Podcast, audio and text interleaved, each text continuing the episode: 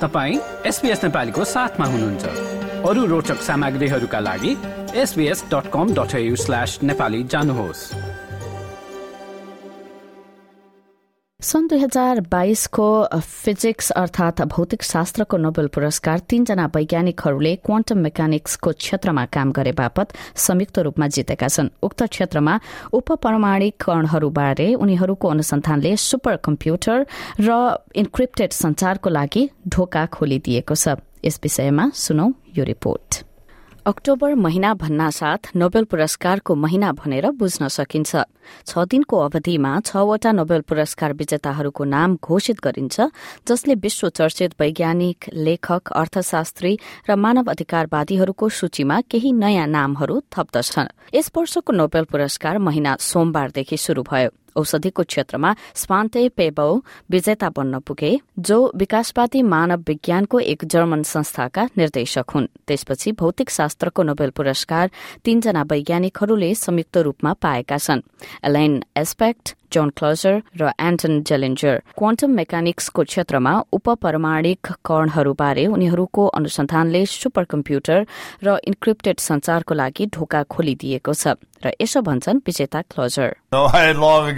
uh,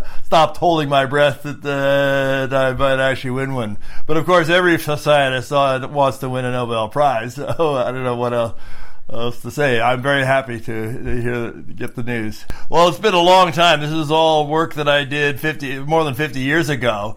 Uh, work that uh, started when I was a graduate student. Back, uh, wrote a paper in 1969 proposing to do an ex- uh, original experiment testing foundations of quantum mechanics. The, the results uh, are now quite important for quantum and uh, in uh, encryption in particular uh, for sending uh, secure uh, communications. उनीहरूले अल्झिएका photon सम्बन्धी गरेको अनुसन्धानले बेल inequality नामक एक प्रमेयको उल्लंघन गर्दै quantum विज्ञानलाई नयाँ खुड्किलामा पुर्याएका छन् तीनैजना विजेताहरू भिन्न भिन्न देशका हुन् एलेन एस्पेक्ट फ्रान्सका हुन् जोन क्लसर अमेरिकी र एन्टन जेलिन्जर अस्ट्रेलियाका हुन्। रोयल स्वेडिस एकाडेमी अफ साइन्सेसको अनुसार यी विजेताहरूको कामले थप आधारभूत अनुसन्धान र नयाँ व्यावहारिक प्रविधिको बाटो खोलिदिएको छ।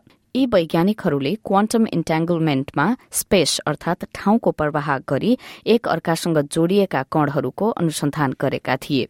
यो विषयबारे अल्बर्ट आइन्स्टाइन पनि चिन्तित भएका थिए र उनले यस पत्रमा यसलाई टाढाको डरलाग्दो कार्य भनेर व्याख्या गरेका थिए आफ्नो अनुसन्धानको बारेमा थप बताउँदै विजेता जेलिन्जर During the first experiments, I was sometimes asked by the press what all of this is supposed to be good for. And I told them, I can tell you with pride, this is good for nothing. I'm only doing this out of curiosity because I've been excited by quantum physics from the very moment I first heard about it. Because of the mathematic beauty of this description, a very promising development are quantum simulators, that is, quantum computers which are built for specific processes for the simulation of solid bodies and so on.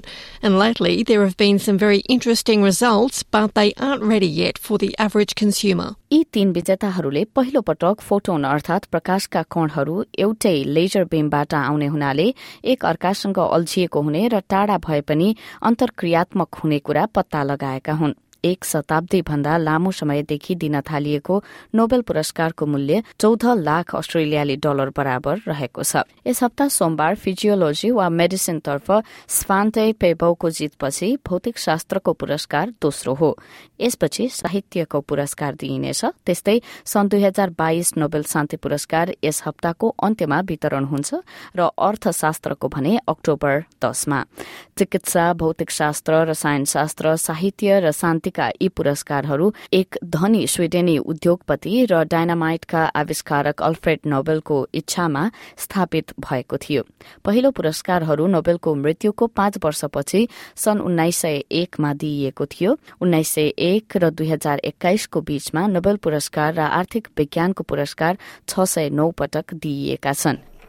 र SPS न्यूजका लागि Marcus Megala कोनमसद्वारा तयार पारिएको report SPS नेपालीका लागि तिनिता रिसालले तयार पार्नु भएको हो। Like र कमेन्ट गर्नुहोस्। नेपालीलाई फेसबुकमा साथ दिनुहोस्।